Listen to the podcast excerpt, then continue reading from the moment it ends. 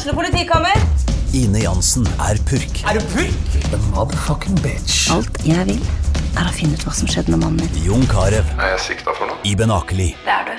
Ole So, Lars Berrum og Big Daddy Karsten. Hvem sin side er du på, egentlig? Anette Hoff, Tone Danielsen, Kommer du fra Afrika?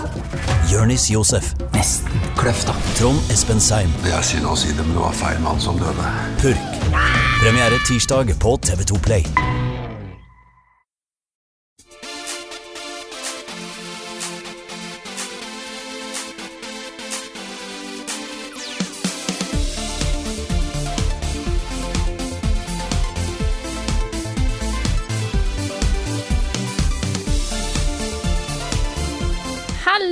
Alle sammen, og velkommen til en ny episode av podkasten Level Backup.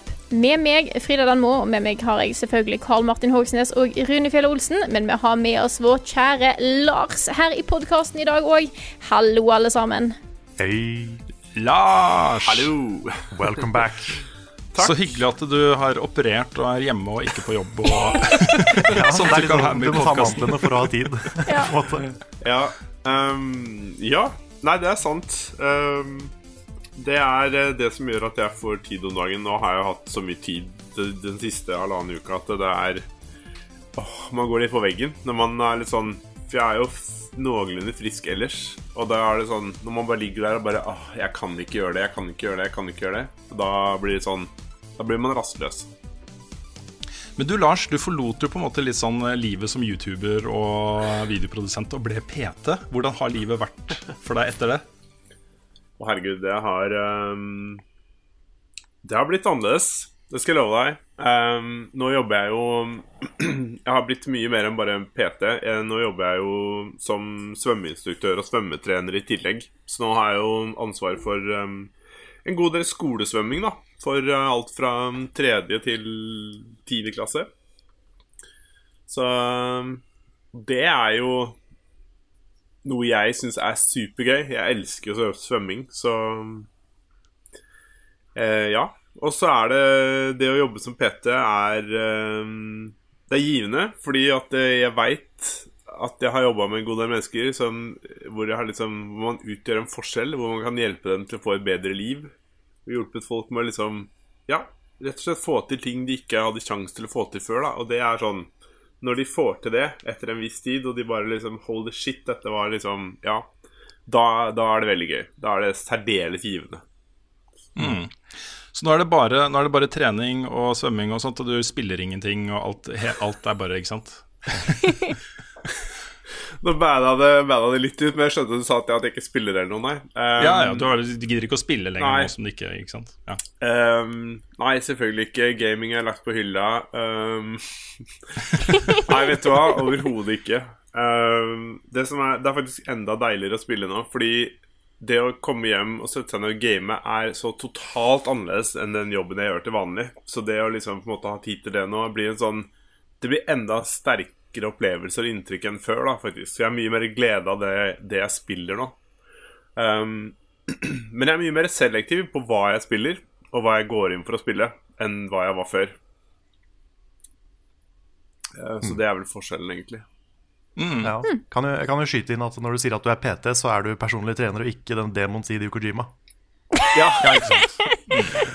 Åh, tenk hvis jeg var en levende versjon av PT. Eh, Hater når du blir en demo. Ja. Ikke bli det, det er en mørk side av livet. Altså. Ja. Ja, nei, altså Jeg savner jo mye av liksom de andre tingene. Og jeg har fortsatt lyst til å gjøre litt sånn, sånn som uh, level app og litt sånne ting. Uh, men det må bare være Ja. Ting eh, er litt, kommet litt mer i system nå, så eh, jeg er ferdig med mandel og mandler og ting, så kan det hende at det blir eh, litt endring. At jeg får tid til å gjøre noe annet i tillegg. Du har jo hatt sånne 11-12 timers arbeidsdager ofte, virker det sånn? Ja, det er ikke uvanlig i det hele tatt, faktisk. Um, Det er drøyt, altså. Ofte jeg drar sånn seks om morgenen og er hjemme sånn ni-ti om kvelden. Um, så jeg har jo en 50 minutters kjørevei også til jobben. Ja. Det er liksom, vi også har jo lange arbeidsdager, men vi kan, eller i hvert fall jeg kan i hvert fall jobbe hjemme. Ja, Så jeg slipper jo å bruke to timer på å kjøre fram og tilbake til jobb hver dag. ja Um, jeg, jeg må jo si det at jeg trives ekstremt med å ha litt kjørevei. Fordi at de 50 minuttene der, så får jeg mulighet til å sitte og høre på podkast eller lydbok. Og da, får, da har jeg kun meg å konsentrere meg om. Og da har jeg tid til å høre på sånne ting og bare liksom la det synke inn, da. Så det er um, Det har blitt litt sånn Ikke terapitime, men litt mer sånn um, Ja, meditasjonstimen, da. Fram og Ja, tilbake. Stille refleksjon. Ja, ja. Mm. Det er det. Ja, men det er sant. Så Tatt mye tog i det siste, så det, det hjelper faktisk, det. altså Bare sette seg ned og høre på en podkast og bare vite at dette her er det jeg gjør nå. Ja. Nå er det ikke noe annet jeg kan gjøre. Hvorfor har du tatt mye tog i det siste, Karl? Nei, det har vært eh, litt forskjellig. Å ja, ok, nå, nå skjønte jeg noe. Uh, ja vel, det ikke jeg. Nei, men det, altså, det har vært litt forskjellig. Jeg har vært litt hjemme i Tønsberg og litt sånn. Ok, greit. Ja, Okay. Jeg, jeg har ikke fått noen pressemelding om det her, så ja. ja, nei da, jeg tror vi for enkelt og greit bare hopper litt inn i hva vi har spilt i det siste. Det kan vi gjøre. Jeg syns Lars skal begynne, fordi uh, du er jo den av oss som har spilt uh, Blackout-betaen. Cod-betaen. Mm, ja. Jeg er veldig spent på hvordan den var. Og er, for den går vel fortsatt.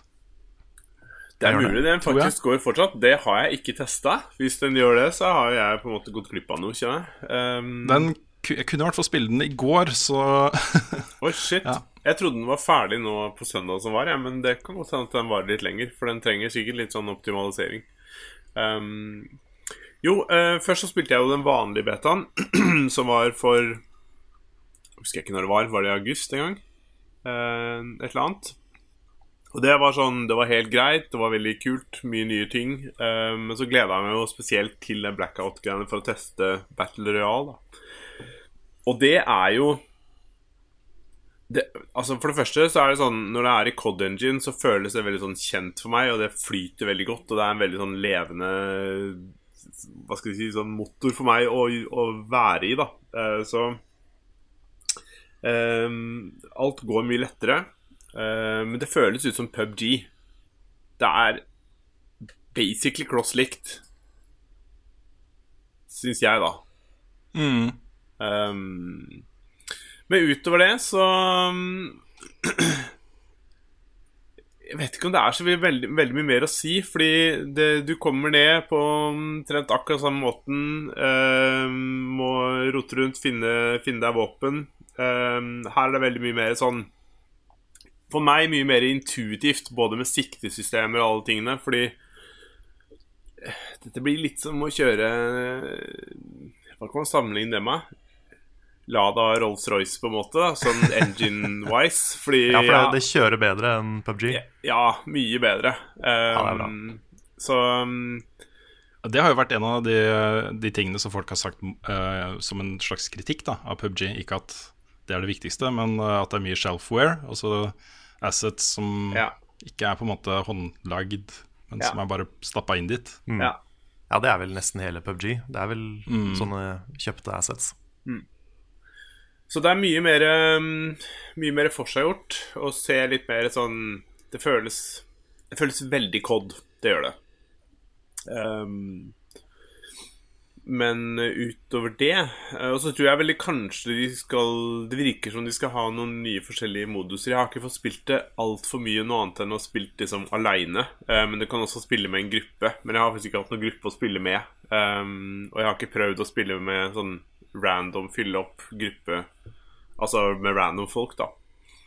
Um, eller det var løgn, for jeg har prøvd det én gang. That, that's it. Men um, ja.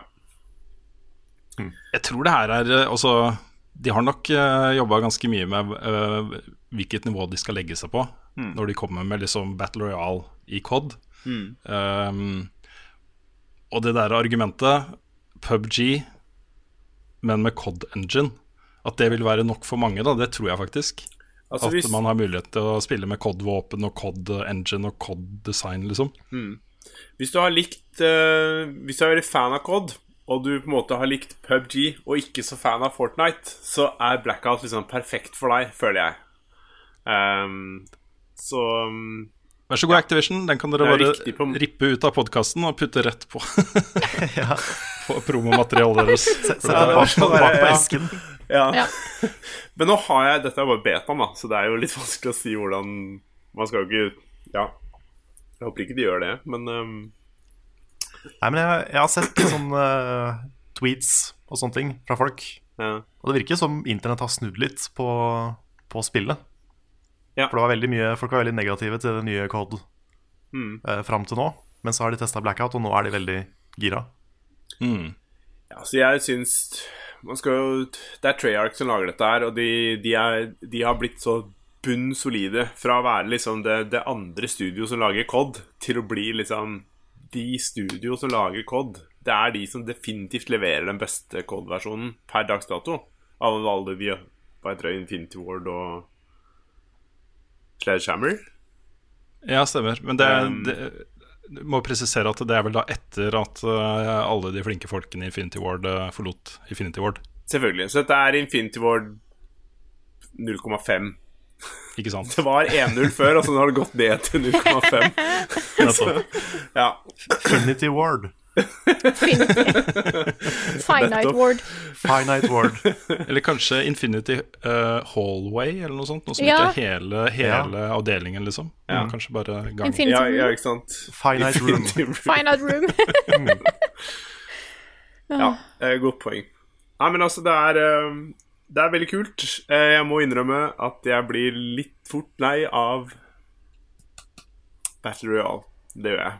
Det er eh, Jeg har det Ja. gøy, men det er begrensa hvor lenge jeg har det gøy. Ja, det er gøy, men hvor lenge er det gøy? Ja. For jeg er, sånn, jeg er litt lei av PubG.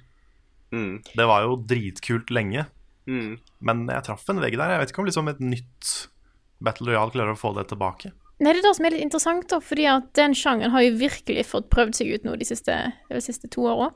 Så jeg tror da at selv om det kommer et spill noe som er bedre enn la oss si PubG, da, men tilbyr litt den samme type opplevelsen, samme gameplayet, er ikke det sikkert at det kommer til å slå så veldig an da, hvis folk er lei av eh, den oppskrifta der.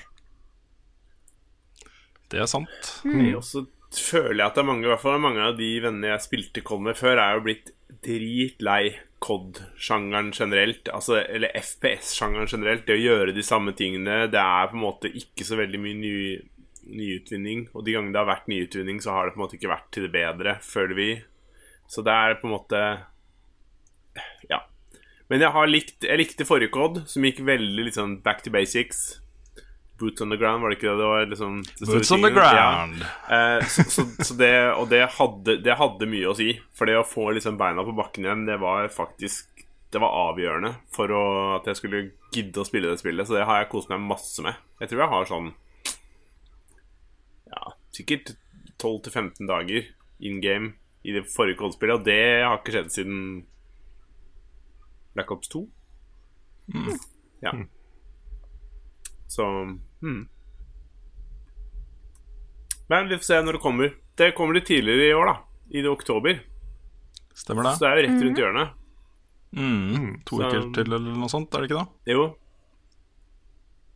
Så ja. Ja. Kunne jo prøvd oss på en blackout-stream en gang. Ja, jeg er down. Bare vær forberedt på at jeg kommer til å være enda mer noob enn jeg pleier å være i PubG. Ja. Og det er jo Jeg må jo si også at det å få muligheten til Altså, jeg elsker jo å bruke en kontroller. Jeg føler meg jo skikkelig noob med mus og tastatur. Jeg er jo en av de som bare hater å bruke det. Så, og det også har mye å si for spilleopplevelsen for meg. Det å sette meg ned og foran PS4-en og bruke en kontroller. Kan ikke godt vært på PC, men da å bruke kontroller, da, da blir du ikke like god, liksom. Da er du Da blir du hengende litt etter. Ja, det er sant. Mm. Ja. Yes. Da kan eh, Rune få lov til å fortsette, så tar vi den vanlige rekkefølgen. Nå tror dere vel at jeg bare har spilt eh, Destiny 2 for Second siden Ja. sist? Ja. Dere tror det? Ja, det, jeg har spilt det også. Eh, jeg, har, jeg gjør meg jo raid-klar. Jeg er raid-klar nå. Vi har avtalt på fredag, også i dag, skal vi raide for første gang. Jeg vet ingenting om raidet, annet enn at det er vanskelig. Så det blir spennende.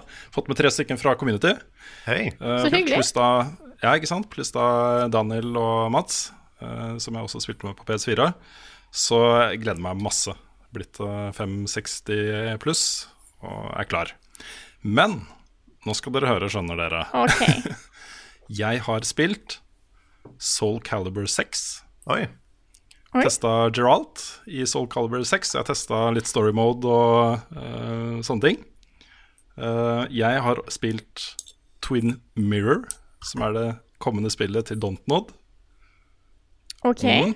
Ah, ja. Jeg har spilt Man of Medan, eh, som er en del av The Dark Pictures Anthology til Supermassive. De som har lagd eh, eh, oh, hva heter den da, dette skrekkspillet? Until, Until Dawn. Until Dawn, ja. Ja. det, det har jeg hørt om. Og jeg har spilt eh, Ace Combat eh, 7. Ja.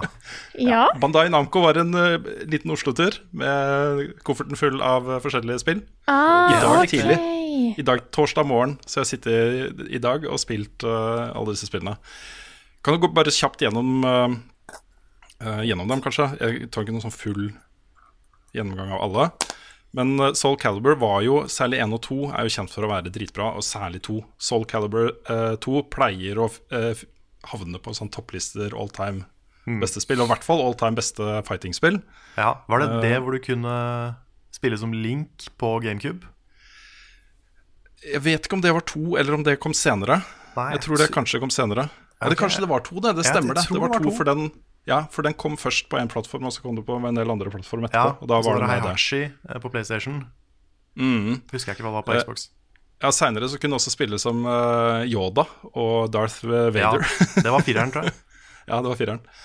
Eh, og nå er det da Geralt som er den store nye. Han er integrert i storyen. Også hele det universet, Witcher-universet er integrert i storyen. Måten, også Begrunnelsen for at han dukker opp i dette universet, er liksom lagt inn. Han er ikke bare en figur som er klistra på. Wow. Uh, og det syns jeg var stilig. Uh, og så er den jo veldig, veldig japansk. Veldig, veldig japansk historie, og mye historie. Egen adventure mode, og du kan lage din egen karakter med afro og hele pakka, liksom. Eh, som da får sin egen historie igjen. Ja. Jeg liker det når, når fighting-spill bare putter inn sånn her fullstendig fuckings bonker story. Jep. Mm. Som bare er sånn overkomplisert og teit, men den er der. Ja, Den er veldig komplisert. Det var mye greier og, og du- skippa mye gjennom dialog og sånt. Ja. Eh, men eh, det var mye å holde styr på. Eh, det er blant annet når du spiller adventure mode. Da. Jeg husker ikke om det var akkurat det det het. hvor du lager din, egen karakter. Som også Den historien havner jo på en timeline som du kan se, liksom. med årstall. Dette foregår på 1500-tallet. Eh, og innimellom i din historie, da, den figuren du lager, så vil du liksom snirkle inn historien til noen av de andre figurene i spillet. ikke sant? Um, så det var litt kult. Men um, uh, Hva var det jeg skulle si? Uh, jeg tok en digresjon, og så glemte jeg jeg, hva jeg faktisk skulle si. Adventure mode var kul. Jo, jo, du har en sånn evil og good-aksis også, sånn scale. Så innimellom så må du ta valg, da, ikke sant. Eh, som er enten onde eller gode. og så er det da to forskjellige slutter basert på Det er veldig light, da. Det er ikke noe mm, komplisert opplegg. Men hmm. jeg tror dette kan bli litt sånn bananas. Jeg gleder meg til å se Nick eh, teste det. Ja. Håper han har eh, lyst og tid. Høres ut som de har stjålet eh, konseptet fra Shadow the Hedgehog, Ja. men det, det får være greit. Mm, det får være greit for denne gang. Ja. Og så er jo, Jeg skjønner ikke helt hvordan Dontnod, det er jo et fransk selskap, um, får til det de holder på med om dagen. For de har jo Life is Strange 1, og nå snart, veldig snart, 2. Uh, men så ga de jo ut Vampyr tidligere i år, i juni. Uh, og neste år så kommer det et spill som heter eh, Twin Mirror. Og mens Vampyr var mer sånn action adventure-gameplay, så er Twin Mirror veldig mye mer likt eh, Life is Strange.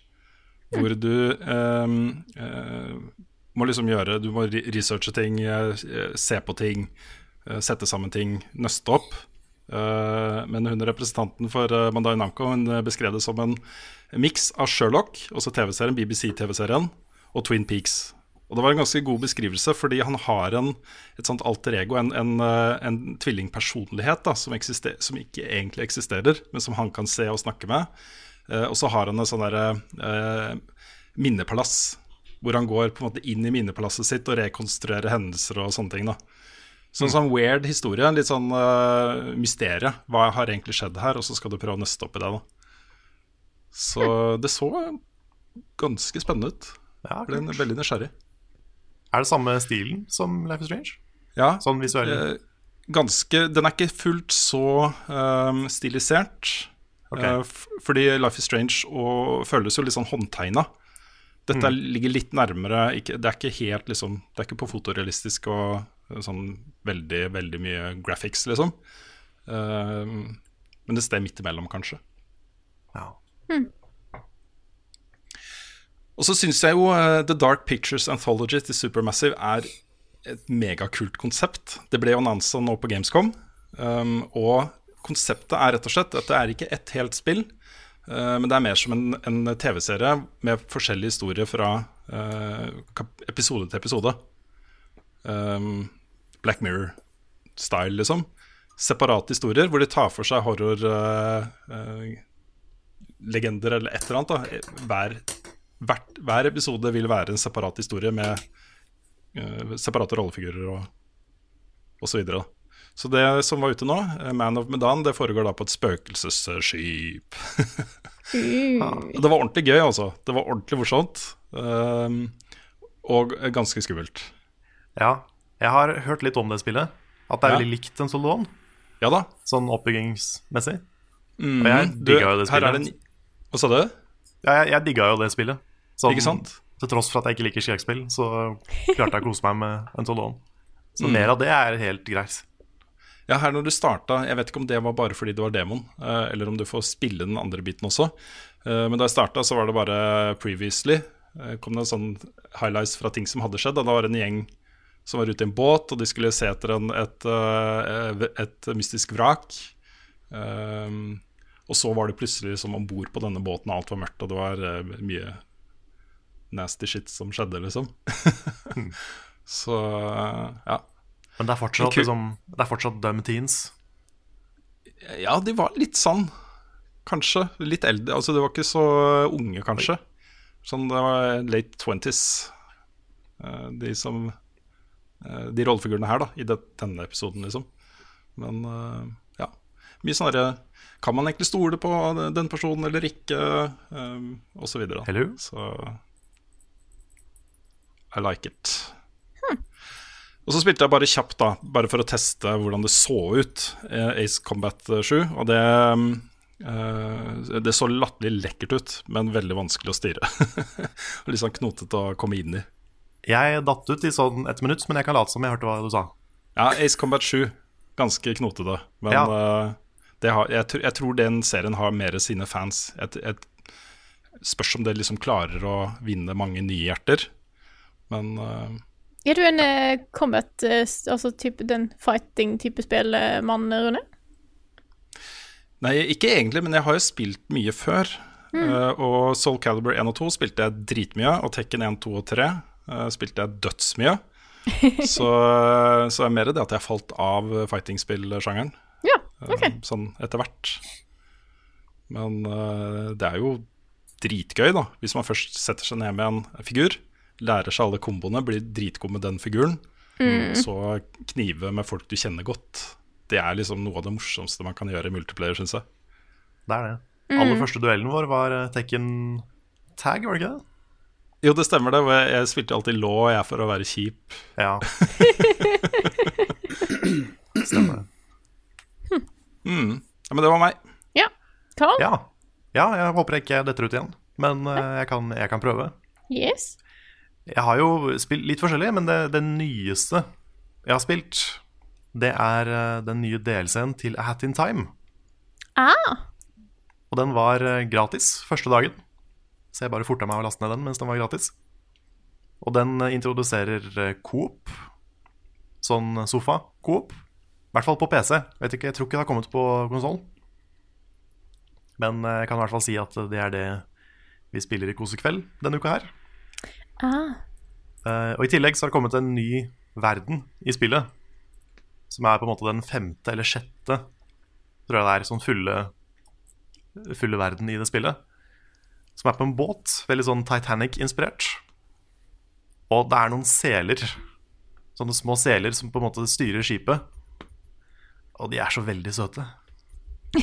Det er bare noe av det fineste jeg har sett. Altså, de, er, de er veldig fine.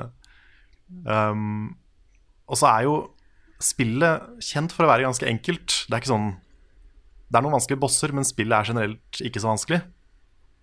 Men den delscenen her er veldig vanskelig. Så jeg, jeg sleit litt og banna litt et par steder, for det var Det var litt sånn kronglete.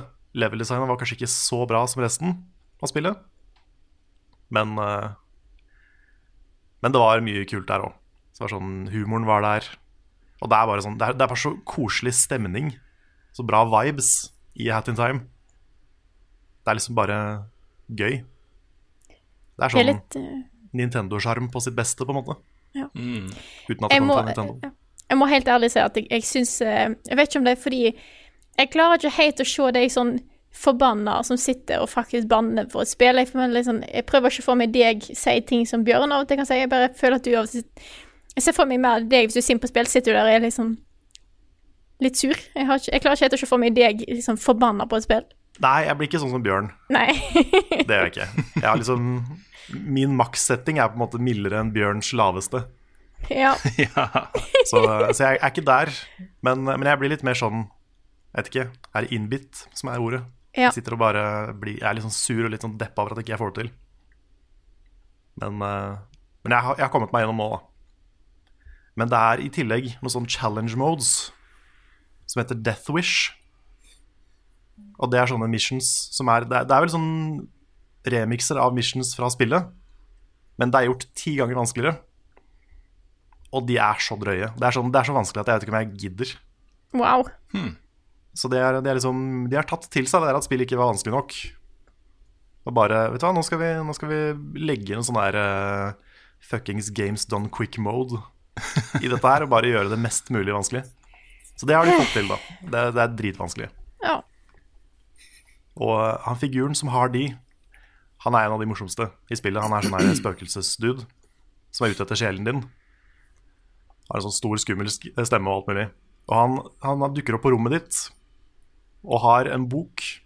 Og hvis du liksom posisjonerer kameraet riktig, så ser du at på den boka, på coveret, så står det 'How to kill kids'. Ja. Det, sånn, ja. det, det har en litt sånn mørk, morbid side, det spillet her. Så det er, sånn, det er nesten alltid koselig, og så plutselig så bare Oi, det var litt sånn, litt sånn dark. Ja. mm. Så det er mange, mange sider av det. Men, men det er mer Hat in Time, og det er alltid bra. Så eh, anbefaler folk å sjekke ut det hvis ikke de har gjort det. I hvert fall hvis man liker litt Mario Odyssey eller sånne ting. Det er ikke like polished som eh, Nintendo Platformers, men det er eh, fortsatt veldig bra. Og da tror jeg vi hopper rett fra den anbefalingen der inn til neste anbefaling. Jeg har vel egentlig snakka om det en gang før, men jeg så for ikke så lenge siden en Netflix-originalfilm som heter How It Ends. Og det er jo sånn når man ser det, så ser det ut som en sånn derre um, apokalypsefilm. Og det kan hende det er det. Det skal jeg ikke verken bekrefte eller avkrefte. Men det handler i hvert fall om et uh, ungt par, vel, som skal prøve å få noen barn, og så um, er han uh, han, han i forholdet uh, reiser til foreldrene til hun dama eh, for å skulle be om tillatelse til å gifte seg med dama. Ehm, og faren, da, som er spilt av uh, Forrest Whittaker, er ikke så veldig liksom approval of det her, osv. Um, så det ender kanskje ikke så veldig bra. Og eh, dagen etter så skal han reise hjem igjen, og det som skjer da, er rett og slett at eh, de sitter i en telefonsamtale, eh, de, det er kjæresteparet. Og så under den telefonsamtalen så begynner det å riste og shake, og det begynner å bli sånn der, um, elektriske forstyrrelser på, på sambandet og sånn. Det er sikkert ikke den het Skjelvet. Jeg er helt sikker. um, og så bare blir, eh, blir samtalen liksom brutt. Og så eh, Ja, strømmen går, og alle tele, eh, telefoner og diverse sånne ting De bare slutter å funke, da. Um, og så er det vel på flyplassen så For han finner ut at han liksom komme, eller at han skal komme seg av gårde. Så på flyplassen eller sånn, så, så, kom, så er det vel fortsatt noe strøm, eller i hvert fall et eller annet sted er det noe strøm, så vi kan se noen nyheter, og da har det visstnok vært en eller annen seismisk aktivitet, er det det heter? Sånn ehm, Ja. Jordskjelvting. Um, ja, på en måte. Ehm, og det som skjer, er at han bestemmer seg for å For han får ikke kontakt med kjæresten sin, så han eh, bestemmer seg for å liksom reise tilbake til foreldrene. Og liksom sammen så skal de prøve liksom å finne kjæresten hans, eller reise til kjæresten, da. Og det som skjer da, er at det begynner en roadtrip, basically, med da faren og den sønnen, som ikke akkurat er veldig sånn approval. Uh, altså, faren er ikke så veldig approval. Um, Så Det er sånn der eh, bonding-trip med liksom svigerforeldre. ja, på en måte. Lagt til Um, apokalypsen. Ja. Ja. Og det som eh, Og det, det er veldig sånn derre Hva er det som har skjedd? Hva er det som, hva er det som har skjedd i verden som gjør Hva er det som er i ferd med å skje med liksom jordkloden? Um, samtidig som det da er en sånn herre uh, tens greie mellom de to. Og den herre den, den turen som begynner òg, den den tok noen twists og turns altså, som var litt sånn overraskende. Og det er utrolig liksom kult skuespill. Det er dødsspennende. Um, uh, hva skal jeg si, ja? Um, kan liksom ikke si for mye heller om det, men det, er det tar veldig noen vendinger, og ja. Nei, jeg, jeg tør ikke å si mer, for at jeg Nei, er jeg må redd for å, for å spoile noe, liksom. Men, men den er i hvert fall eh, Den er skikkelig, skikkelig bra. Jeg ble helt overraska at liksom bare Holy shit, dette er jo dødsbra. Og jeg ble skikkelig sånn Bare den tida som satt, ble mer og mer fengsla, og den bare Pang, så var det over, liksom. Og jeg bare Holy shit, dette var gøy. Ja, um, den skal jeg se. Ja, den, eh, den anbefaler jeg, altså. Den Kan, um, kan du gjenta hva den heter, bare for deg som lurer? Ja, den heter How It Ends og er en sånn Netflix-originalfilm, så du må jo ha Netflix da for å se den. Det er lettere å ta seg tid til en film enn en hel serie. Ja, det er det jo, for så vidt. Så det Jeg syns den var veldig, veldig bra. Så hvis du liksom liker litt sånn derre Ja, litt sånn mysterie, mystikk og dommedagsprofeti eh, blanda med liksom Svigerfedre. Ja, eh, rett og slett. Det har jo skjedd veldig mye spennende i nyhetsbildet i det siste. Og hvis du er medlem av Level Up Community, så, community, så har du helt sikkert på media at det har kommet ut en eller skal komme ut en PlayStation Mini. Jeg regner med at det står på tapetet i dag, Rune. Ja, ikke nå lenger, for nå har jo du sagt det. Ja. Ja, men det er jo ikke noe. Er det noe vi har lært av Level Community, så er det greit at veldig mange poster den samme nyheten. ja.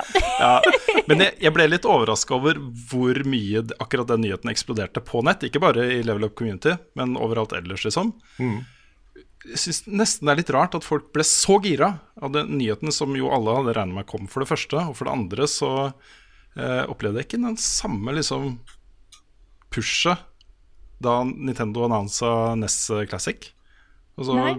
Føler du ikke det? jeg vet ikke. Nei, jeg vet ikke. Det var etter, jeg, jeg skjønner ikke at det ble så mye oppstyr rundt det. Det ble en kjempestor nyhetssak, liksom.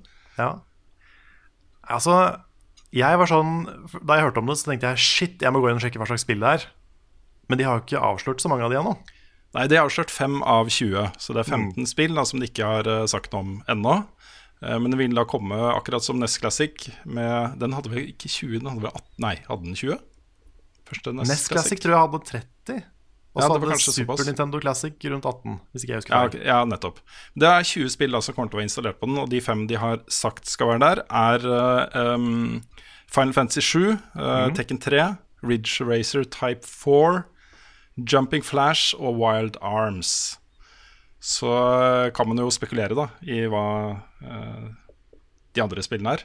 Jeg tipper at det ikke blir type Tomb Raider, Resident Evil, Metal Gear Solid, den type spill. Det blir mer de der eksklusive greiene som de hadde, som definerte konsollen, som de hadde selv. Jeg tror ikke Metal Gear Nei, det ble, hadde vært veldig kult hvis den var der. Jeg blir Ja. ikke overraska hvis den ikke er der. ha. Fordi, eh, ja. Nei, men PlayStation 1 er litt sånn vanskelig fordi det er veldig mange spill som ikke har holdt seg. Sånn tidlig 3D er jo det verste å gå tilbake til. Ja da. Men det er jo som, samtidig veldig mange bra JRPGs. Nå er jo allerede Final Fantasy 7 og Wild Arms med i den pakka her. Mm. Men de har, føler jeg i hvert fall, mange av de har holdt seg bedre enn f.eks. plattformspill i 3D. Ja, men jeg, jeg tipper nok at de kommer til å benytte anledningen til å lage nostalgiboks. da Så Ja sånn Gra ja. Gran Turismo uh, Jeg vet ikke hvordan rettigheten er rundt Crash Bandicut nå, men jeg tipper at de fortsatt har muligheten til å gi ut Crash Bandicut 1 og 2, i hvert fall. Um, Kommer nok med. Wipeout tror jeg kommer der. Ja, Håper på det første Rayman. Ikke sant?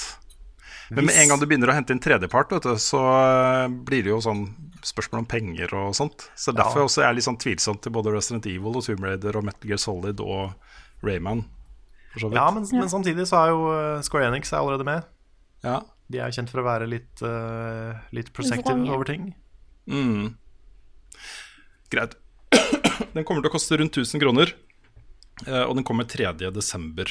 Hvis, Så hvis Krono Cross er med Det er et spill som aldri kom til Europa. Venter fortsatt på at det spillet skal komme til Europa i noe som helst form.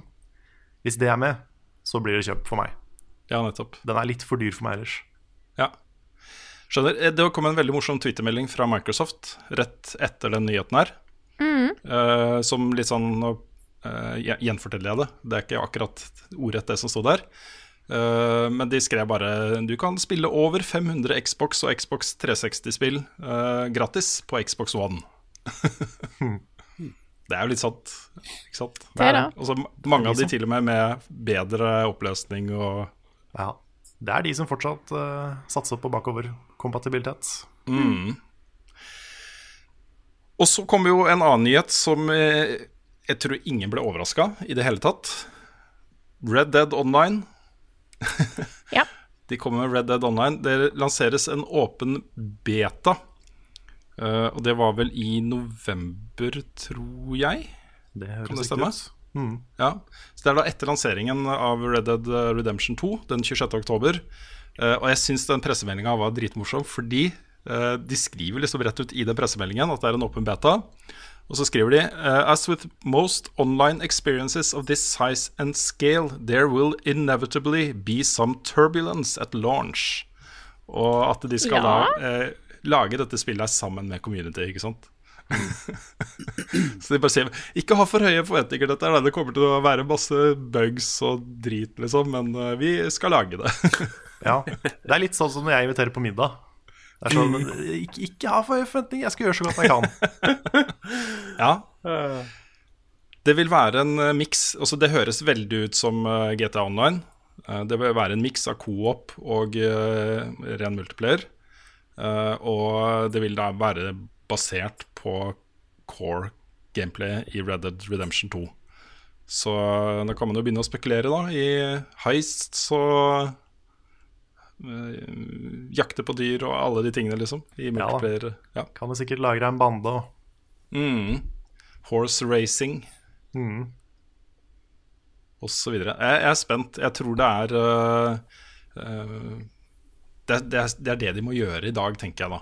Lage en, en persistent uh, versjon av, uh, av noe som er så stort, og sannsynligvis også så populært som Red Dead Redemption 2 kommer til å bli. Ja. Og du ser hvor lenge og hvor mye som skjer i liksom GTA Online fortsatt De kommer jo aldri til å lage et spill uten online igjen, tenker jeg. De gjør nok ikke det.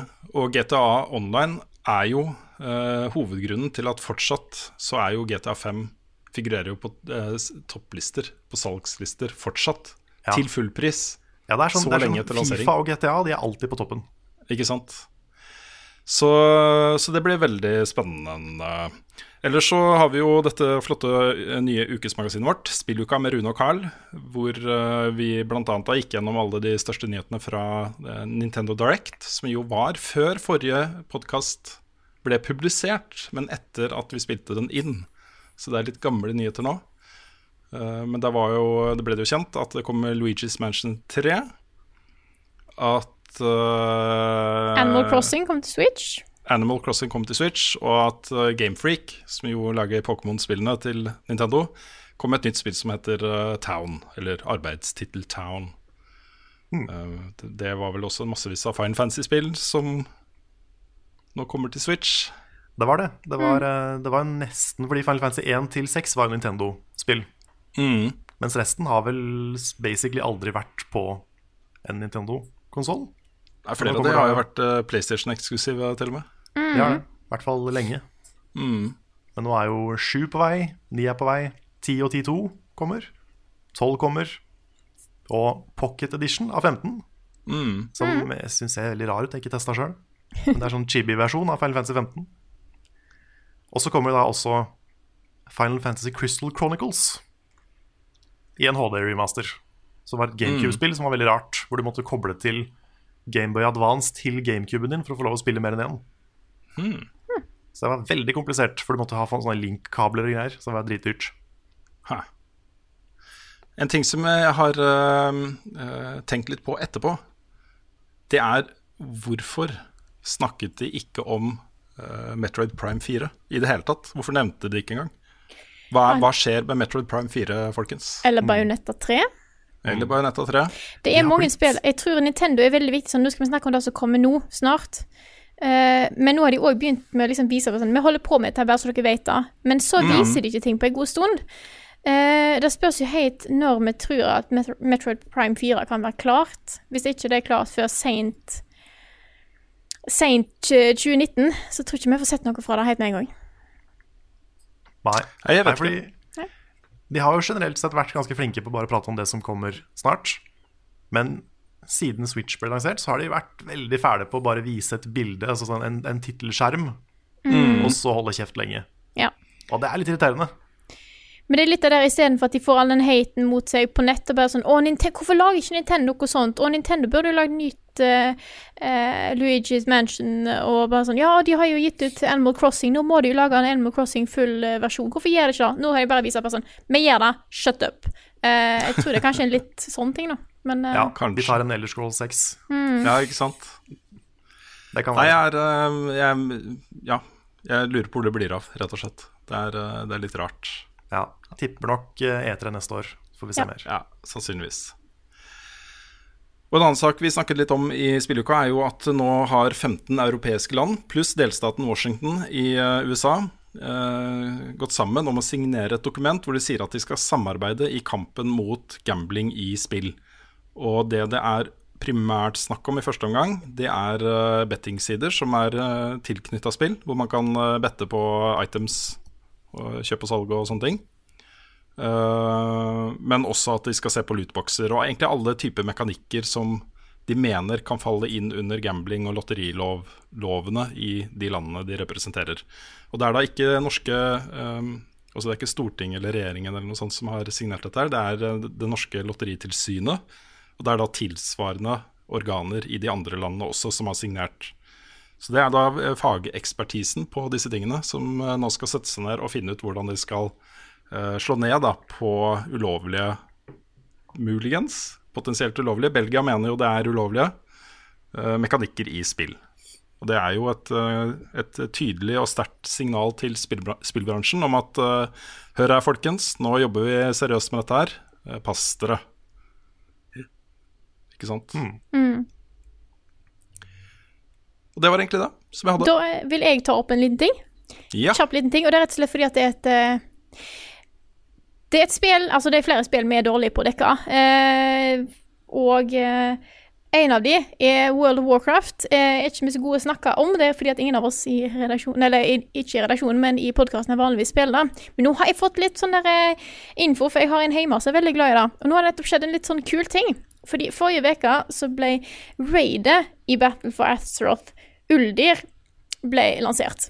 Og eh, det, det jo Det er ofte sånn Hvem kan slå deg på den vanskeligste Eller hardeste vanskelighetsgraden, Mythic, fortest? Eh, og det har vært litt interessant å følge med på, fordi at det var ingen som klarte det med en gang. Vanligvis tar det litt tid, dette her. Eh, men i går, onsdag, så er det, det reset time på, sø- på i World, Wow-server og sånne ting. Og sjøl da, etter ei uke, så var det ingen som hadde klart å slå raidet på Mythic. Og da satt det to, hovedsakelig to eh, guilds, altså to lag. Et amerikansk et og et europeisk et. Og satt der og lurte på OK, det fins en måte du kan utsette resetten litt på. Disse i USA vent, satt De holdt på med siste bossen, begge to. Fikk ikke til å slå ut aller siste bossen, som er eh, kun Det er så mye rare navn. Så jeg satt der begge to og lurte på ok, skal vi utsette reseten, eh, eller skal vi bare resette og så begynne på nytt igjen.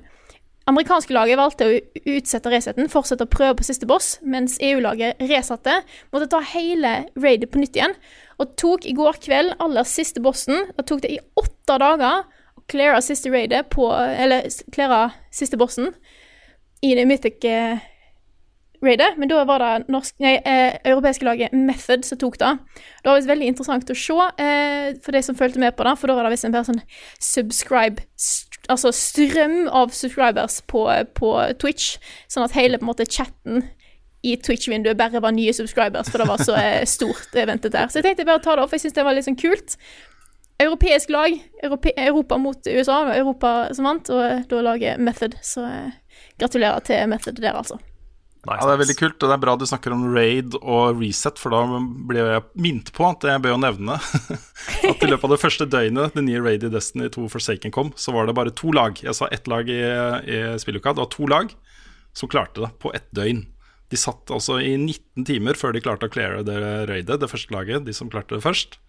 Uh, og jeg tror uh, i løpet av liksom de første 30 timene så var det bare tre lag som klarte det. Det var inkludert av ett lag som var to minutter over 24-timersfristen. ikke sant? Ja. som ikke fikk emblem av det bungee. Nei, sant. Mm. Jeg kjenner sånn, når jeg hører det, at det Ja. bare var to lag som klarte det på 24 timer, da er det greit at ikke jeg prøvde det. Ja, men det er jo sånn at uh, nå er jo maks power level i Destiny 2 er jo nå 600. Raidet starter på uh, 540. Første encounter er eh, Nei, vent da, 560. Første encounter er 560. Og de var liksom 540-550, alle lagene som prøvde seg da. Så de var underlevela. Og så går det opp fem power levels per encounter, så det ender jo på 585, ikke sant. Og da, da er, hvis du er 530, da, så er de basically immune da, mot uh, skade. Så, um, Shit. så det er mest fordi folk er underlevela at det tar så lang tid, Karl. Ja, skjønner. Kan, eh, kan jeg legge til en liten nyhet, jeg òg? Sånn, eh, litt sånn etterpå på Nintendo-bolken. Ja. Fordi eh, Nintendo har jo lansert online-tjenesten sin. Ja. Og den er jo middels. Debated. Ja. Ja. Kontroversiell, kanskje. Ja. Kanskje, ikke, kanskje ikke så kontroversiell, men, men litt skuffende. Ja.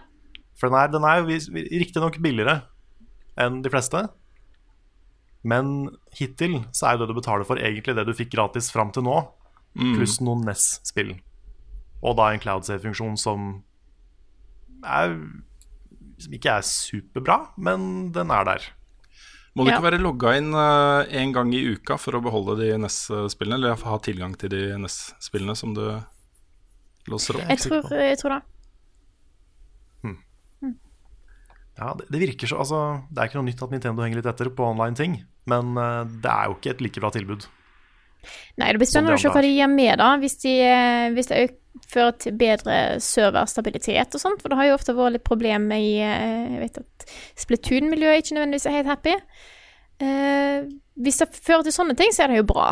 Vi får se hva Nintendo gjør med det, rett og slett. Mm. Men det har jo også kommet et Eller de har oppdatert kontosystemet sitt. Og det er jo på tide, men, men bra. For nå kan du vel koble flere switcher sammen. Du kan ha en primær switch og en ikke-primær. Litt sånn som du har på PlayStation, at du kan spille et spill Du kan spille ditt spill på en annen sin switch hvis du logger inn, men da kan du ikke spille det samme spillet på din egen switch samtidig. Det er vel sånn det funker, er det ikke? Ja, jeg tror det. Så det er jo Det er bra det har kommet, men uh, også litt sånn velkommen etter. Jeg håper dere er klare, klare til å høre oss snakke eller diskutere oss gjennom spørsmålene vi har fått tilsendt. Det var en veldig vanskelig setning å uttale, men vi skal i hvert fall begynne med ukens spørsmål.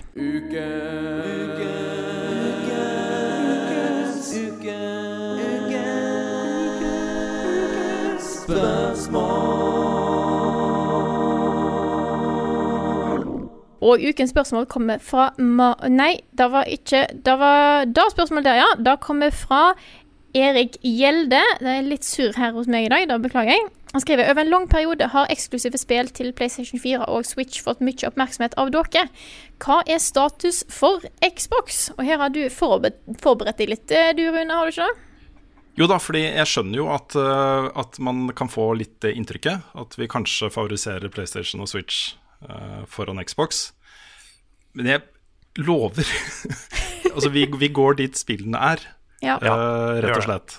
Mm. Og det, har, det er ingen tvil om at PlayStation og Nintendo har eh, hatt en amazing lineup av eksklusive spill. Og så Nå snakker jeg ikke om tredjepartsspill, som kommer på alle plattformer og som er bra overalt, liksom. Men eksklusive spill. De har hatt en utrolig god lineup de siste par-tre årene. Eh, ikke like bra på Xbox, og det er det, kanskje noen som er uenig. Det, det er jo noen høydepunkter innimellom der. Men det er ikke sånn at vi ikke eh, bryr oss om Xbox i det hele tatt. For vi har da tross alt anmeldt, eh, bare i løpet av de siste månedene, tre spill som er eksklusive på Xbox og PC. Eh, nemlig State of Decay 2, eh, Sea of Thieves og We Happy Few.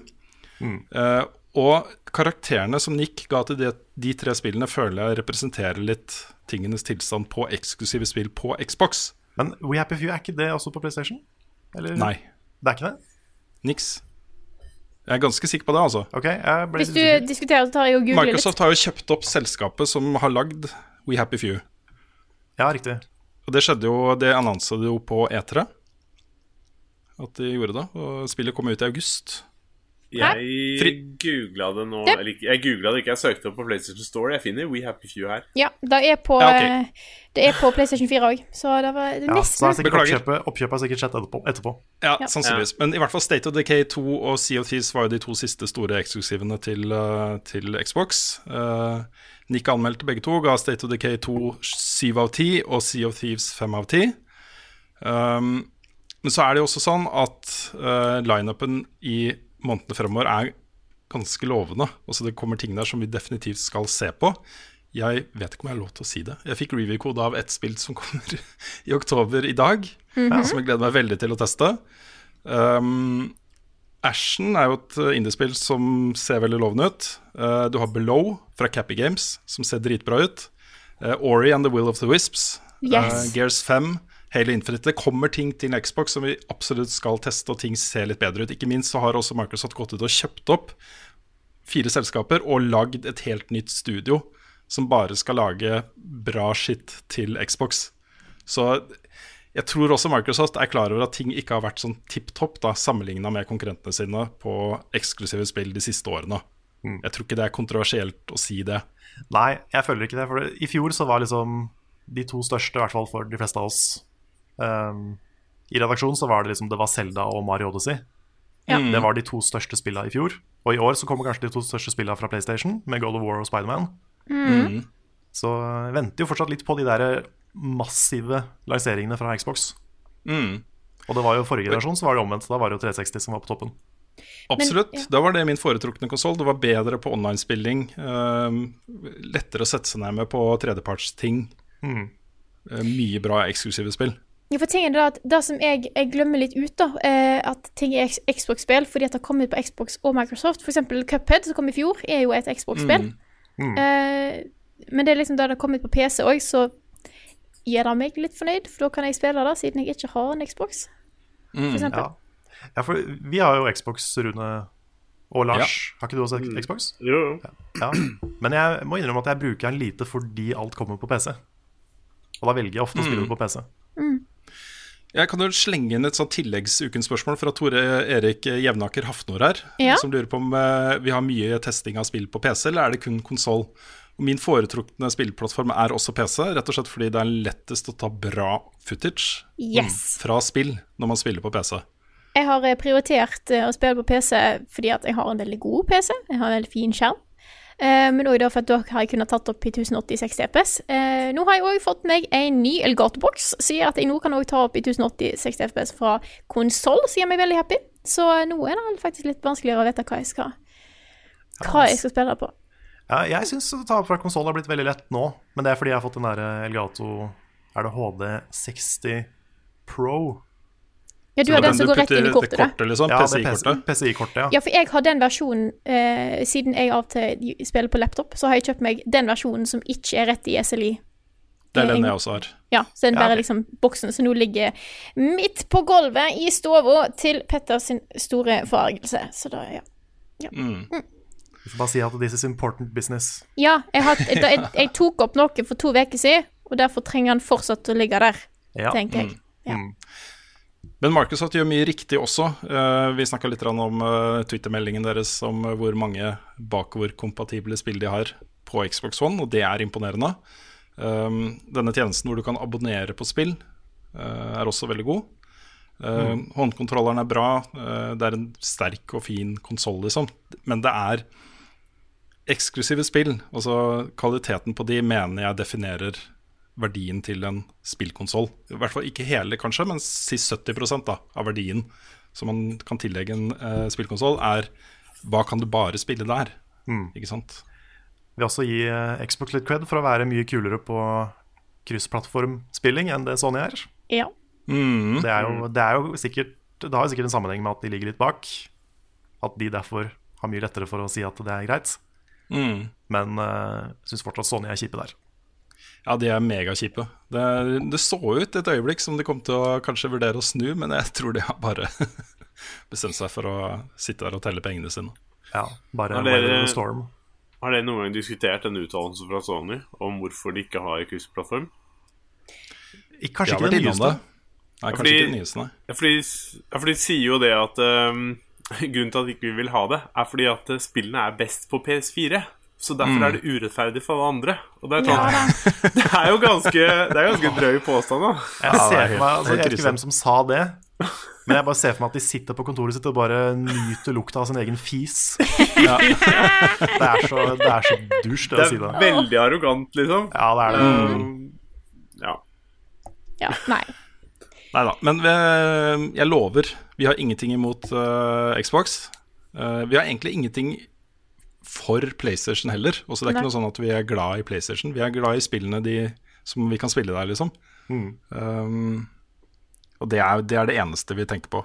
Hva er kvaliteten på, på spillene vi kan spille?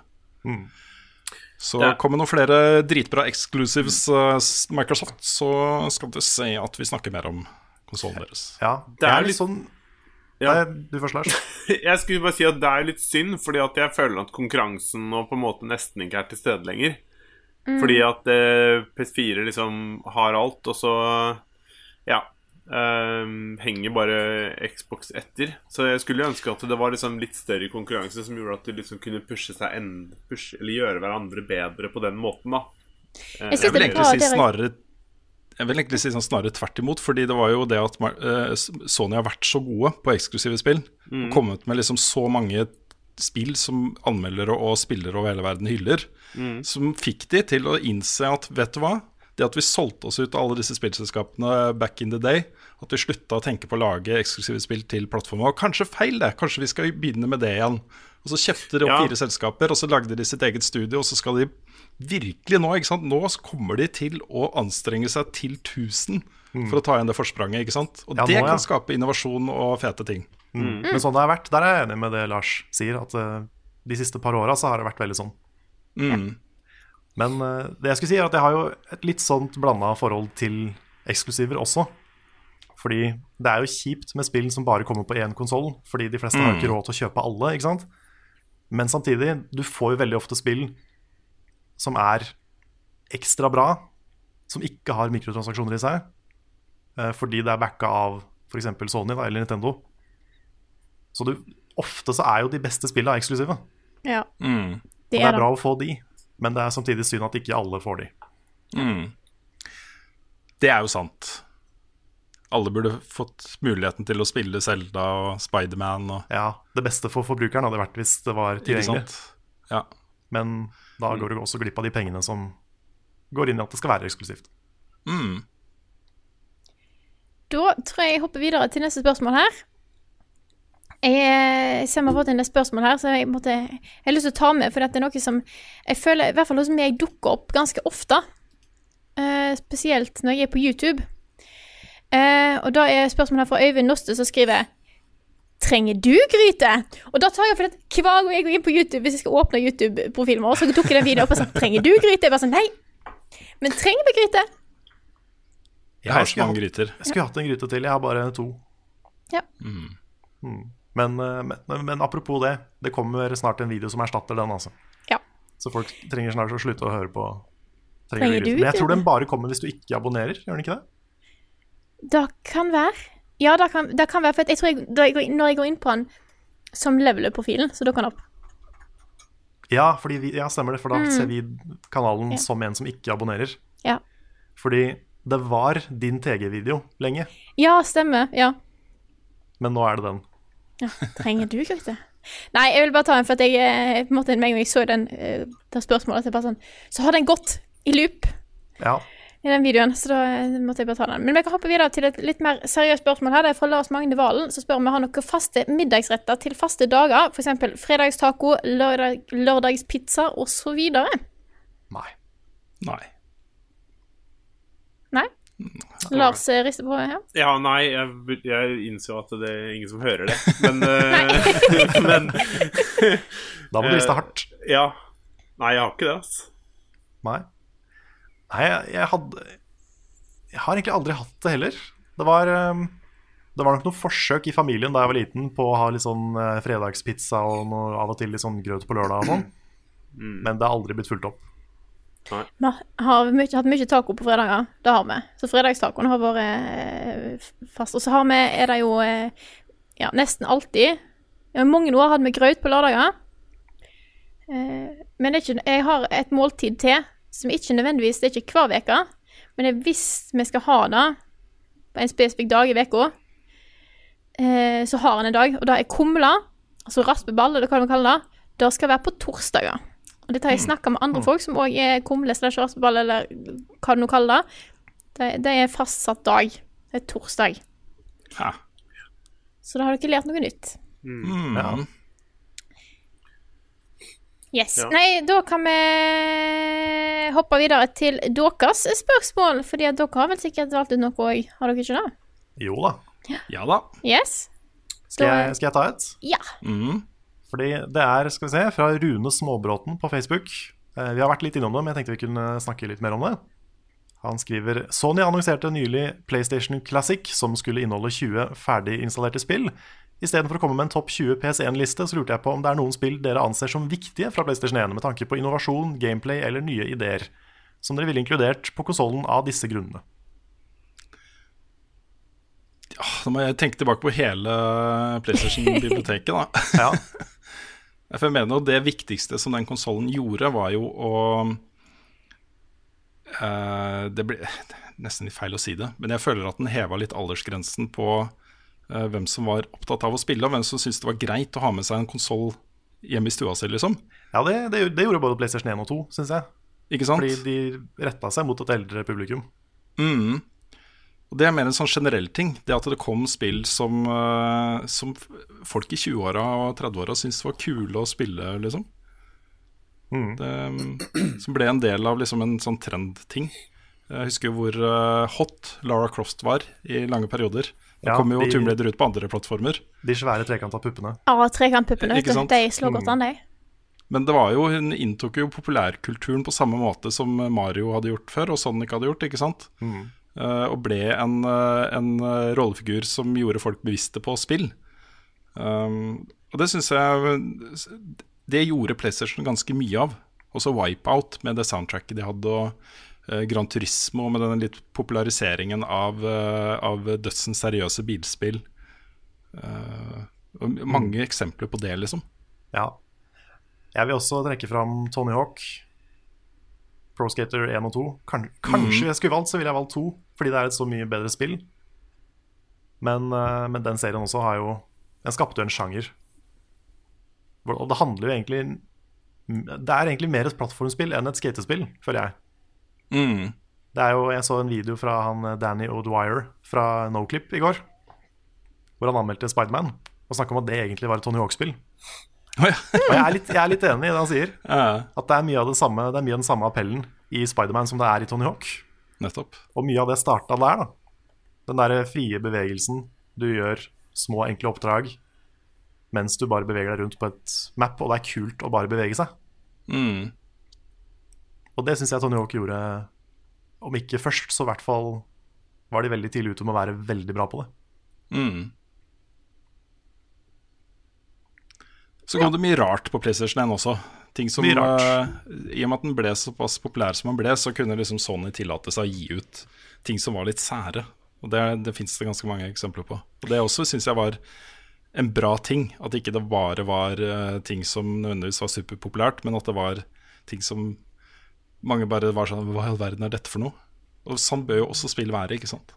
Jeg kan huske Jeg hadde ikke PlayStation sjøl, men ei venninne av meg hadde det. Jeg, husker, jeg kan huske to spill hun hadde. Det var første Rayman, som jeg aldri kom oss noe langt på. Det gjør jeg jo først ikke den dag i dag heller. Og så var det første Harry Potter-spillet. Mm. Og det var så dårlig, da. Så, altså, jeg tror vi hadde det gøy fordi at uh, Fordi du er liten og liksom Å, Harry Potter, spel, kult. Men når jeg tenker tilbake på det, så var det jo ingenting med det som var spesielt bra. Nei, Så eh, jeg har veldig var... lite forhold til PlayStation 1, egentlig. det var mye lavere PlayStation 1-spill. Det var litt sånn som We. At det var, et utrolig, det var en utrolig svær samling med sånne shovelware-spill. Som bare ble pumpa ut. Mm. Men det som var bra, var jo veldig bra. Til gjengjeld. Sånn som uh, snakka vi litt om uh, JRPGs, japanske rollespill, i stad. Og Final Fantasy 7 gjorde jo noe med verden. Sånn altså med spillverden. Det ble jo stort på en måte som Final Fantasy ikke hadde vært. Og det gjorde jo JRPGs populære i hele verden. Mm. Så eh, veldig fornøyd med at det spillet er med. Jeg er jo mest fan av nieren sjøl, så jeg håper det også er med. Men eh, sjueren har jo hatt den største liksom, impacten. Mm. Yes. Rune, Jeg har hadde et, du et spørsmål? ja da. Jeg har et uh, spørsmål her fra Simen Meisdal. Hva slags forhold har dere til filmen The Breakfast Club fra 1985? Og hvilken av karakterene lignet dere mest på da dere selv gikk på videregående? Synes det er en evig aktuell film som tar opp viktige temaer som tilhørighet, mobbing og familie. Jeg har ikke sett den. Det er så lenge siden jeg har sett den filmen. Ja, jeg har sett den, men det er så mange år siden at jeg husker Ja. veldig lite. Ja, det Men det er Ja, helt ok. enig, det er en bra film. Det Ja, er film jeg veldig gjerne skulle ha sett. Jeg innså at jeg eh, egentlig har lyst til å se den. Tror den er på Altså John, John Hughes uh, lagde jo en serie med filmer som, uh, som uh, snakka til en hel generasjon mennesker, føler jeg. Og som eh, mange kunne relatere seg til, og osv. I den, den filmen her så eh, hadde du jo Judd Nelson, som eh, fortsatt er aktiv som skuespiller. Jeg har sett han i forskjellige ting etter det også. eh, som var liksom eh, badboyen. Og så hadde du Molly Ringwald, som var den eh, prektige, eh, skoleflinke eh, jenta. Emilio Esteves var jocken. Anthony Michael Hall var nerden. og Ali Sheedy var hun rare uh, godteren, liksom. Så du hadde jo alle erketypene fra amerikansk high school, og også til en viss grad, da. Jeg føler ikke at de klikkene er like sterkt definerte i Norge, men de er der allikevel. Um, måtte da uh, sitte igjen etter skolen sammen og bonda til tross for alle de ulikhetene deres, så bonda de på en veldig sånn spesiell måte. da. Jeg, jeg syns den filmen er fortsatt er dritbra. altså. Den er uh, en, av, en av mine favorittfilmer all time. Det er litt det forholdet jeg har til Goofy Movie, faktisk. Ikke sant? Den føler jeg bare naila min generasjon Mm, da jeg så den i den alderen jeg var. ja. Ja, for jeg var jo skal vi se, tolv tolv år gammel da Breakfast Club kom ut. Jeg så den sikkert ikke før eh, noen år seinere. Jeg tror ikke jeg var og så den på kino. Så Men jeg vet ikke. Jeg har liksom aldri helt klart å identifisere meg med noen av de klikkene da, eh, som var på Nei. skolen min heller. ikke sant? Jeg har ikke følt at jeg har vært en del av den gjengen eller den gjengen. Jeg var flink i sport, liksom, men jeg følte meg ikke som en jock. Jeg likte mye nerdeting, men jeg følte meg ikke som en nerd. Men så du mer tydelig disse klikkene når du, da du gikk på skole i USA? Uten tvil. Det var akkurat som å være i en amerikansk high school-film. og det, det er ikke noe jeg bare sier, det var akkurat sånn det var. Hvor, Ja, eh, det var, det var amerikansk- prom og spring break og alt mulig. Var hele, hele greia. Hele greia Og alle klikkene med geeks og uh, jocks og freaks og uh, Ja. Veldig, veldig stor forskjell på om du var inne eller ute. Men det som jeg oppdaga også, da, var jo sånn som uh, Den rollen som Ali Sheedy da, spiller i Breakfast Club. Det er hun som er helt utenfor. og gir litt blanke. Nå hadde hun en del andre problemer på hjemmefronten som på en måte forklarte litt rollefiguren hennes. da. Eh, Men mange av de som er litt sånn som hun er, som eh, blåser litt i skolen og sånt, de har kanskje i mange tilfeller i større grad funnet seg selv da, enn de som streber etter å tilhøre en, en av de populære klikkene. ikke sant? Eh, Det å, Evnen til å kunne gi litt blanke i de sosiale normene når du er ungdom, føler jeg er en styrke som uh, mange kan ta med seg inn i voksenlivet og ha tjent på. Ikke sant? Dette blir en liten digresjon, da, men uh, jeg er jo fra en liten plass. Stord er ikke verdens største by. Uh, så det blir veldig sånn at du er nødt til å passe inn med de folka som er der. Så for meg var det en veldig frihet å komme opp til Trondheim og på en måte finne ut sjøl hvem jeg hadde lyst til å være med, og begynne helt på scratch. Så den eh, Hvis folk klarer å finne på en måte den friheten bare sånn, OK, jeg har lyst til å gjøre det jeg har lyst til, og være den jeg har lyst til å være. Hvis jeg klarer å finne den tidligere enn jeg gjør, så tror jeg det vil føre til mye mer sjølsikkerhet. Jeg føler i Tønsberg så Det er mulig det her er feil, men i hvert fall på min videregående skole så var det Føler jeg kanskje bare to grupper. Det var de som var quote unquote vanlige og populære og liksom gikk i litt sånn moteklær og litt sånn, gjorde de tinga som var kult. Og så var det resten.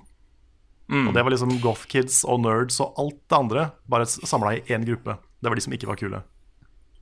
Sånn var min skole. Og det var litt kjipt. Og er det Så det liksom, var, eh, det var veldig befriende for meg å komme til Oslo, husker jeg. Bare sånn Oi, her var det så mye forskjellige typer mennesker. Så deilig. Mm. Jeg husker dere den jeg Bare fortsett, Lars. Ja, jeg skulle bare um, Jeg hadde en fun fact om den filmen, da. For oh. jeg så en sånn herre Du vet der Watch Mojo har så mye sånne topp ti-ting. Um, og de hadde noe om den der filmen der, og det er at den, det er en scene der hvor liksom disse fem kidsa som Rune snakka om, eh, de på en måte eh, De presenterer veldig sånn dype, mørke hemmeligheter om liksom livet sitt. Um, og det er ganske sånn ja, det er ganske voldsomme ting. Og hele den scenen er Hva heter det? Sånn adlib, det er det det heter? Sånn at de på en måte Den er ikke scripta, da. Um, eller den er vel scripta på en måte, men liksom alt som blir sagt der, er på en måte Ja. Det er jo på en måte særlig det forholdet til eh, eh, foreldrene deres som forener dem til slutt i den filmen. Uh, så mye er det jo sånn ungdomsopprør da, mot, uh, mot eh, foreldrerollen, egentlig. eh, som den filmen er Som er grunnlaget til filmen. Så um, ja. Men jeg, jeg tenker at Nei, Ja. fortsett. Ok, nei, fordi akkurat den tingen med å komme fra en liten plass hvor man kanskje ikke passer helt inn, og så flytte til en stor by, jeg har også kjent på den. Uh, og jeg vil også trekke fram en fantastisk eh, tekst som uh, uh, Martin Bergersen har skrevet. Han har skrevet en del for Dagbladet og lagd noen fantastiske videoanmeldelser for de også, back in the day. Og også jobba litt med den antologien som, som var en sånn konkurranse som Fritt Ord holdt, som endte i en bok. Og han har skrevet en tekst da, om sitt forhold, også det at han eh, følte seg fullstendig utenfor eh, alt, egentlig, eh, i barne- og ungdomsårene. Eh, men den gleden han følte ved å flykte inn i spill, og også den gleden han følte å komme til en større plass, hvor han fant ut at han var, han var jo ikke spesiell. Han var jo, også det var mange som var som han, ikke sant? Eh, egentlig anbefaler deg å finne den teksten. Jeg, mulig at jeg kan prøve å linke til den hvis den finnes på nettet et sted, i beskrivelsen, hvis jeg husker det. Men det var en veldig, veldig god tekst som beskriver de følelsene her godt. Jeg prata med Bjørn om det her for noen dager siden. For han var jo ansvarlig for Desicon i noen år. Og det er jo det der som gjør at Des sånne ting som Desicon er så viktig.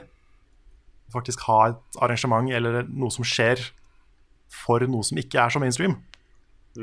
Og det var jo, Han pratet om at det var jo folk som sto og grein når Desicon var over, for det var siste Desicon i år.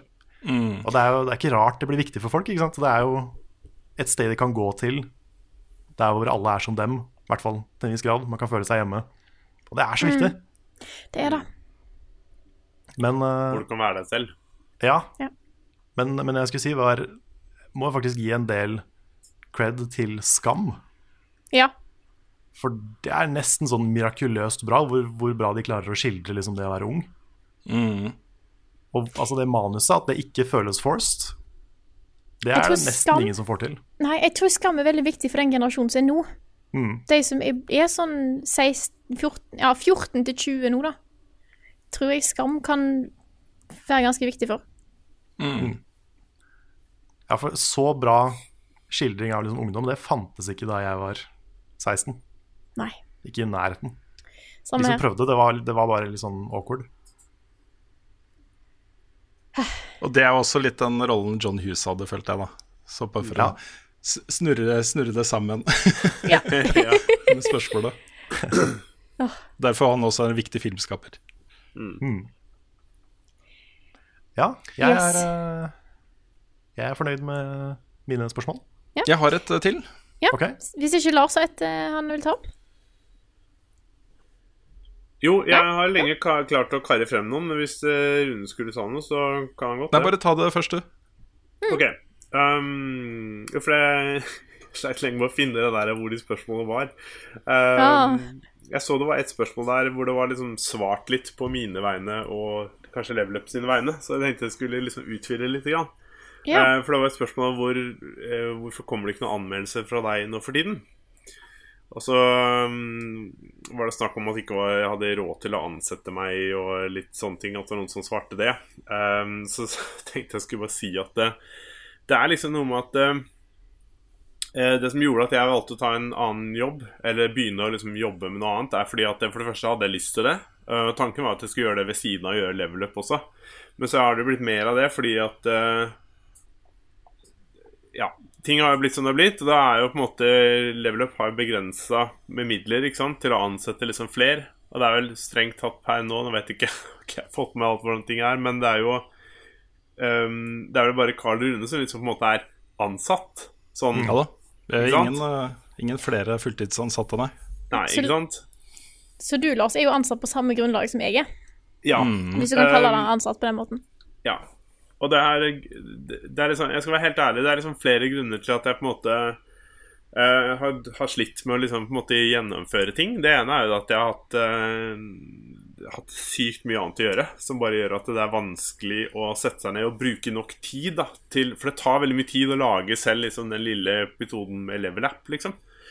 Um, man skal spille spill, man skal tenke seg litt gjennom hva man skal si, bla, bla, bla, osv. Dette vet jo dere, i hvert fall, som har gjort dette, lager sånne ting. Så um, En annen ting også er at jeg har fått Jeg har fått en sånn merkelig prestasjonsangst mot å levere og gjøre ting på ehm, av, av sånne Ja, å levere sånne produkter som det.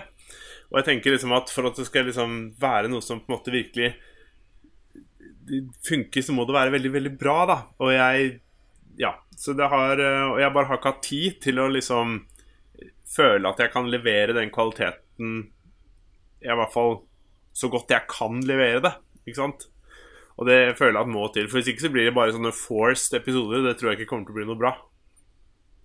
Jeg kan i hvert fall si da at det, eh, det du har lagd, har vært mer enn bra nok. Så det trenger ikke Ja, være bedre enn det, Lars. Nei, det, jo, det er det jeg skulle si. Jeg husker du har snakka om det før, eh, Lars. Ja. Um, og jeg skjønner veldig godt hva du mener. Mm.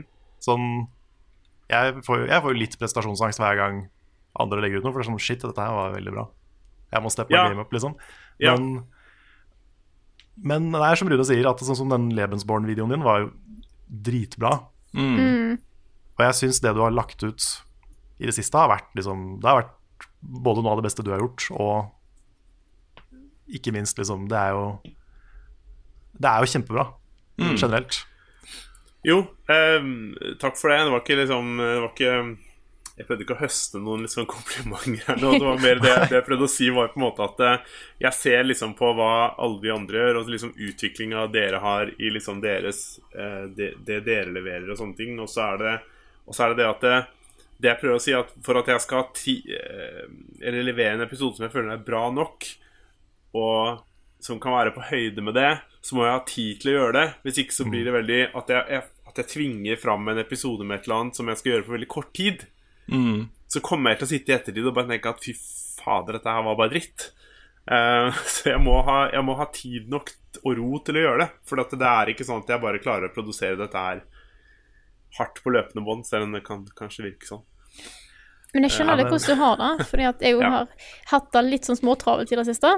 Eh, Mm. og det som skjer da, er det at eksempel jeg setter ned, jeg skal lage en anmeldelse, får spilt det, eh, og så tar det litt tid. Kanskje jeg er opptatt med noe annet, og så har jeg vært litt sånn Mm. sjuk og sånne ting. Så går det litt tid.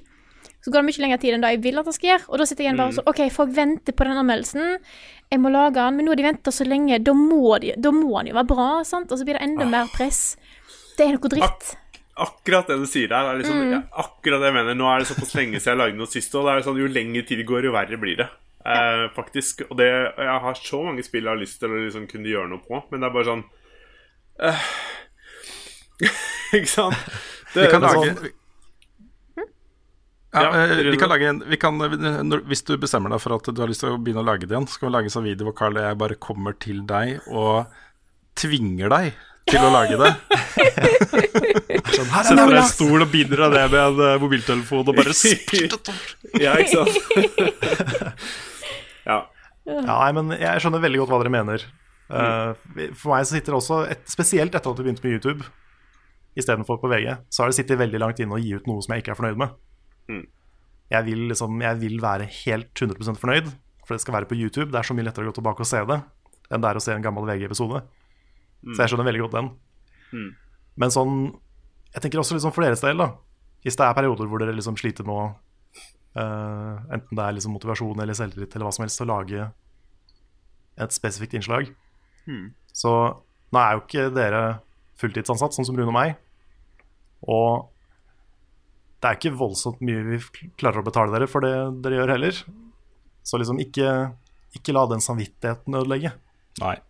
Fordi det er, helt, Samvittigheten det er helt Nå- greit. Du datt litt ut her, sorry. Samvittigheten samvittigheten for at det tar tid, f.eks. Å ja, sånn, ja. Ikke, liksom la den, ikke la den stresse dere enda mer. Nei, men For jeg, det har ingenting det- Ikke for no offense, det har ingenting med noe samvittighet for dere å gjøre. Det er mer liksom det at det, man skal føle at det, man, det produktet man lever, leverer, er på en måte liksom bra og verdig, da. Og så er det mer Mm. det at det, det skal være verdig det Jeg har lyst til å fortelle om noe jeg syns er bra, og da bør liksom det være bra på den måten jeg leverer det på, sånn at folk liksom får det med seg. Jeg vet ikke om jeg klarer å forklare det bra nok nå. Um, ja. Mm. Nei, jeg skjønner hva du mener. Det er litt det jeg også tenker på. At det liksom, man får, men det tærer jo på deg ikke sant? når man går og tenker at man skulle gjort noe, og så gjør man ikke. Mm. Og da blir man mer stressa, så ødelegger det enda mer. Ja. Så er det å prøve å liksom ikke la det stresse deg, da. Jeg kan i hvert fall legge til at eh, hvis Level Up noen gang kommer tilbake, så hadde det vært et eh, utrolig flott tilskudd til eh, kanalen vår. Altså Det var et fint eh, sånn ankepunkt på mandager å ha den Level-appen. Mm. Uh, og folk trenger, folk trenger tips i den derre jungelen av dritt som er på mobilplattformen. Så uh, ja. Ja da, absolutt.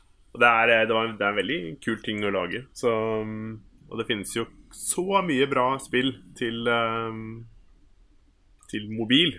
Mm, Altså, Fes kom jo ny, nylig på, på mobil. Nå er det- selvfølgelig PC-spill fra før, da. Men ja. Mm. Det er liksom Bare for å ta et eksempel, da. Nei da, men helt klart. Men um, det er i hvert fall sånn det er. Det er på en måte bare ikke uh, for, uh,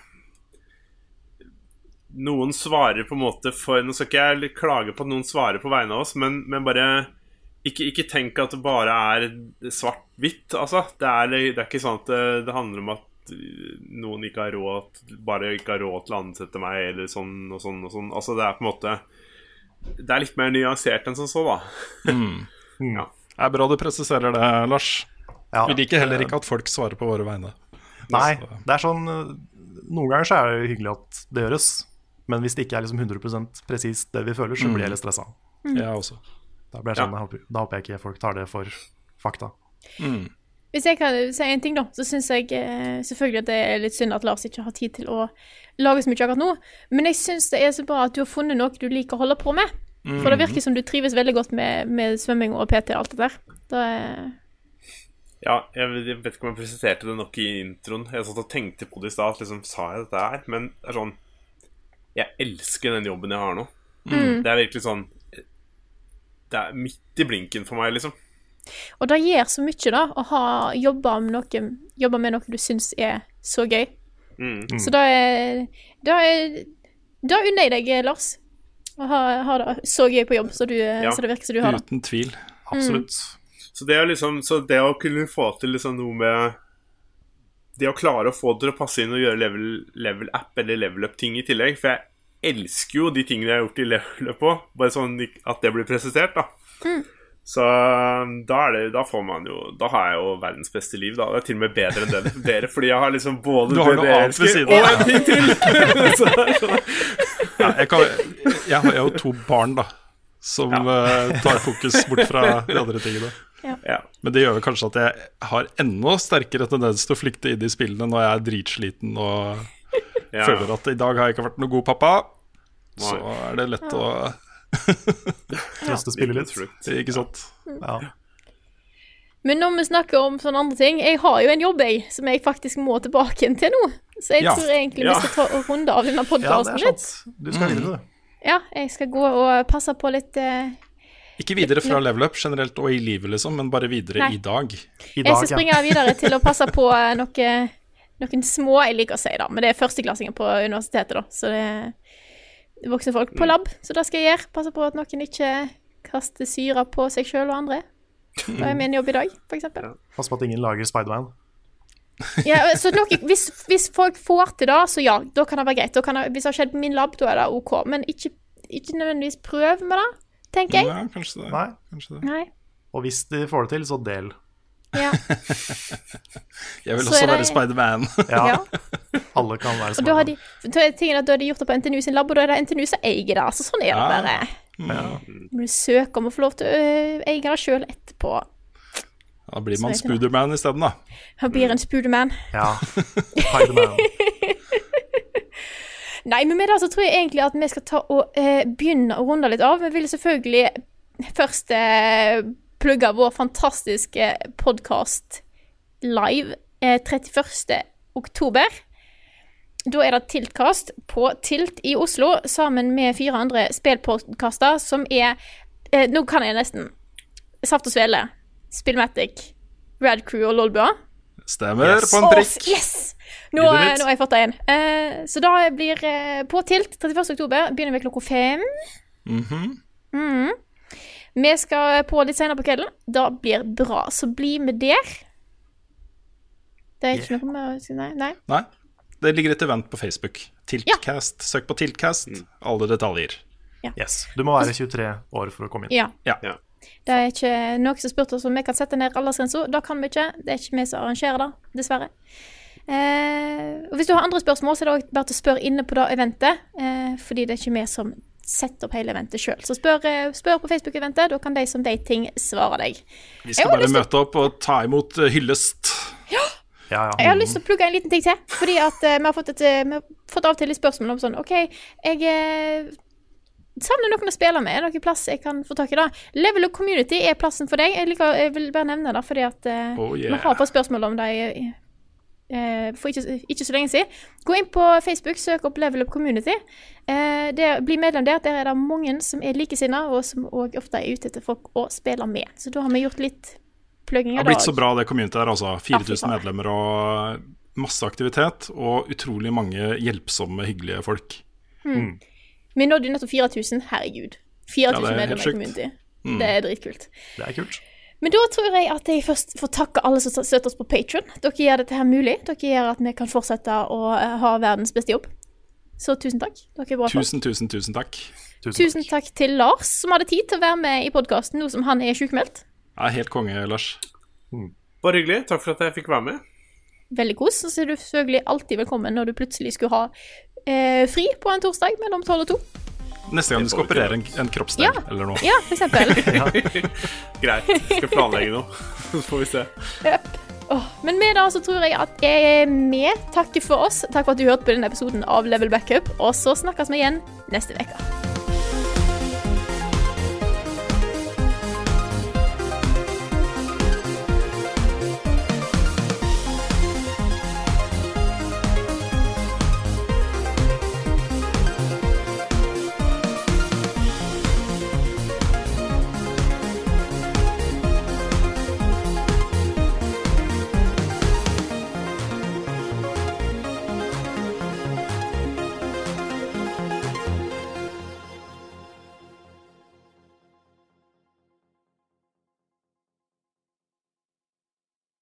Har du et enkeltpersonforetak eller en liten bedrift? Da er du sikkert lei av å høre meg snakke om hvor enkelt det er med kvitteringer og bilag i fiken, så vi eh, gir oss her, vi.